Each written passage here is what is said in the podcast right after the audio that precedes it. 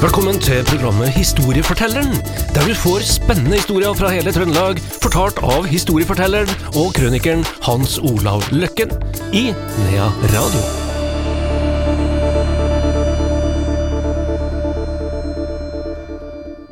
Vi er klar for et nytt program i serien Historiefortelleren, og nok en gang ønsker jeg deg, Hans Olav Løkken, velkommen hit.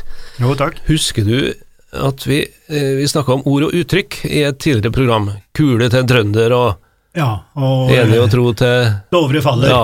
Og eh, Hva var det siste, da? siste var da Samling i bunn, Ja. med han eh, fra St. Moritz i 28. Men vi eh, glemte ei setning, Gjorde vi det? ja, som den er kanskje ikke så veldig kjent, men den er brukt i historisk sammenheng for å eh, gi litt eh, kreditt til, noe, til kvinner.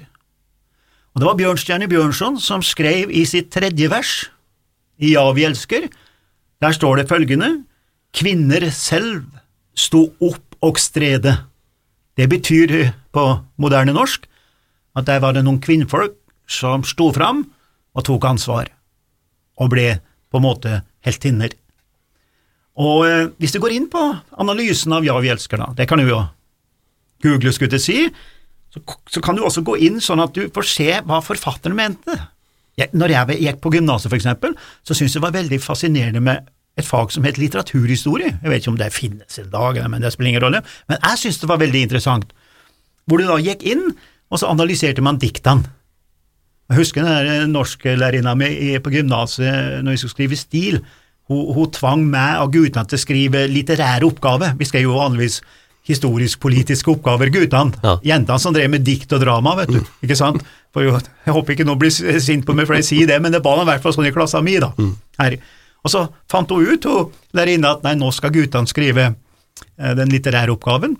Jeg husker vi fikk noe dikt, vet du, og de deklamerte dikt og sto på, og jeg la ut om hva forfatteren antagelig hadde ment og trodd, og det gikk heller dårlig. Hun var ikke enig med meg i det. Men Bjørnson, da? Men Bjørnson, han, eh, han eh, klarte jo å forstå litt bedre, men du kan altså gå inn på visse eh, nettsider, og der er det lagt ut hva de, de store forfatterne mente med denne setninga. Og han Bjørnstine Bjørnson, da han skrev det her i, i tredje verset sitt, da, så tenkte han på to personer. Den ene er utrolig kjent i Norge, skal ikke snakke noe særlig om uh, hun i dag, da, men det er da selvfølgelig hun Prillar-Guri i eh, Kalmarkrigen 1612, slaget ved Kringen ved Otta i Gudbrandsdalen, og de stansa da det som ble, i ettertid ble hetende Sinklar, og som er en ganske interessant historie som har med Stjørdal å gjøre, men det skal vi ta en annen gang. Men den andre kvinnen som han tenkte på, er nok ganske ukjent, og hun het Anna Kolbjørnsdatter. Anna Kolbjørnsdatter, og veldig få har hørt om henne, selvfølgelig med unntak av de som er fra de kommunene rundt der hun, hun herjet, da kan du si. Og da skal vi tilbake til den store nordiske krig, da Karl 12. i 1716 gjorde jo et attack, et angrep på Norge. Det gikk ikke særlig bra, men han kom jo inn i Østfold, gikk jo inn i ved siden av Oslo, da, ikke sant, og helt opp til Gjelleråsen, så tilbake til Akershus festning og, og, og, og fant ut den skulle trekke seg tilbake. Eh, Østfoldingene brente byene sine, faktisk talt. Det er jo mange som liksom sier at Finnmarken i annen verdenskrig var det første, men eh, østfoldingene var nok tidligere ute. Og så han, eh, Karl 12. trakk seg ut, og så bygde han opp da neste felttog, som da gikk inn i Trøndelag, blant annet da i 1718, med han her Armfelt, da. Så han, Karl 12., han sendte noen tropper oppover til eh, Romerike, da, og eh, oppe ved Norderhov, der, der eh, kom de her løven, noen sånne høyere offiserer og sånn, og, og så var det hun her Anna, da, Kolbjørnsdatter på gården, hun hadde da gifta seg med sønnen til presten, det var jo, hun kom sjøl fra prestefamilie, og på den tiden der så var det liksom sånn innavl i gåseøyne, da, i presteskapet. Så eh, presten, han eh, lot eh, sin eldste sønn gifte seg med ei datter til en prest, så videre. Det er jo ganske kjent fra vår egen historie her i Trøndelag. Så hun gifta seg jo, Anna Kolbjørnsdatter, med en Ramus, da. Og han mannen hennes, han dør ganske tidlig, så hun er enke og sitter da med fem barn. Faktisk alt så mista hun alle ungene sine òg, etter hvert, før hun dør sjøl, da.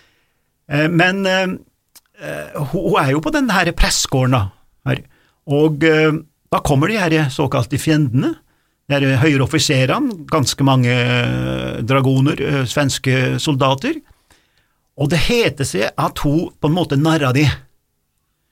Eh, hun har i hvert fall fått kreditt for at hun på en måte avgjorde slaget ved at hun bød dem inn på mat. Og det går vel et par avarter der, da, om hun kanskje ikke forgifta dem, men hun ga dem i hvert fall litt for sterk drikke. Så de ble visst hemmelig, for å si det bent ut, ganske så fulle. Ja. Ja, Og da er du ikke så veldig eh, stridsdyktig, og i hvert fall ikke etterpå. Så eh, de, de kom omtrent for sent til slaget. Der, sånn at eh, der for en gangs skyld så var det norskene som vant det slaget, og ettersom jeg forstår, så var det vel 42 svensker som, eh, som ble drept, og, de tok, eh, og nordmenn tok også 140 til fange. Og på grunn av den, skal vi si, bedriften da, hvor hun fikk passivisert så kolossalt de svenskene at nordmenn vant, så har hun da blitt en sånn heltinne der nede. I dag så er det jo museet der nede, Ringerike museum og sånn, og denne historien her, den blomstrer jo for hvert år, den blir jo bare større og større og større, og det blir, blir mer og mer kule, hull i veggen etter kulene og sånn, da, vet du. Sånn, og det er jo sånn måte vi driver med på museum, og må jo fortelle historier. Og så kan en si som så, hva i all verden har hun her, i tredje vers i nasjonalsangen, med oss her i Trøndelag å gjøre? Jo, hun gifta seg altså med en som het Ramus, inne i presteskapet. Hun eh, mista ungene sine, og hennes eldste sønn, han var også prestutdanna, og overtok etter faren også. Og så var det sånn at man skulle privatisere kirkene, altså det, man solgte jo kirker i den tida. Så han kjøpte alle kirkene han, på Ringerike. Og så dør hans sønn, og så hun her eh, Anna, hun overtar og arver altså både mannen sin og sin eldste sønn, og sitter som den største kirkeeier der nede. Og fortsatt med navnet Ramus. Så må vi gå inn i vår egen historie her i Trøndelag. Hvor har vi Ramus-navnet fra? Jo, for da Griffenfeldt satt på Munkholmen i 18 år, han ble da passet på av en stjørdal, oberst Hans Kuhn. Så dør oberst Hans Kuhn, og man flytt Griffenfeldt fra Munkholmen inn til ei leilighet inne i byen. Husk på at han herre Griffenfeldt, han satt der ute, han, og så hadde jeg et helt kompani som passa på han i 18 år, ute på den der holmen. Så når Hans Kuhn dør, så fløt man statsfangen Griffenfeldt inn til ei leilighet i byen, og husk på hva jeg kalte hun herre dama på Ringerike nå? Jeg kalte henne for Anna Ramus, og hun som eide leiligheta, hvor da Griffenfeldt ble plassert og var der i ett år før han dør, hun het Anna Ramus. Det er ikke samme kvinnemenneske, men de er gift inn i Ramus begge to, og han, Anna Ramus i Trondheim var dattera til Hans Kuhn på Stjørdal, og den Ramus-personen som hun gifter seg med, er Melkjord Ramus, som er bror av den Ramusen på Ringerike, der som, har, og, og, som vi var innom nå i sted. Og denne Melkjord Ramus, han er kjent i Trøndelag for å være den, den første som laga et ordentlig stort kart over Trøndelag. Han fikk til og med tiende av kongen i Danmark for å lage det første store kartet, og det er et kjempekart over Trøndelag, og i margen rundt hele så har han skrevet historie til Trøndelag.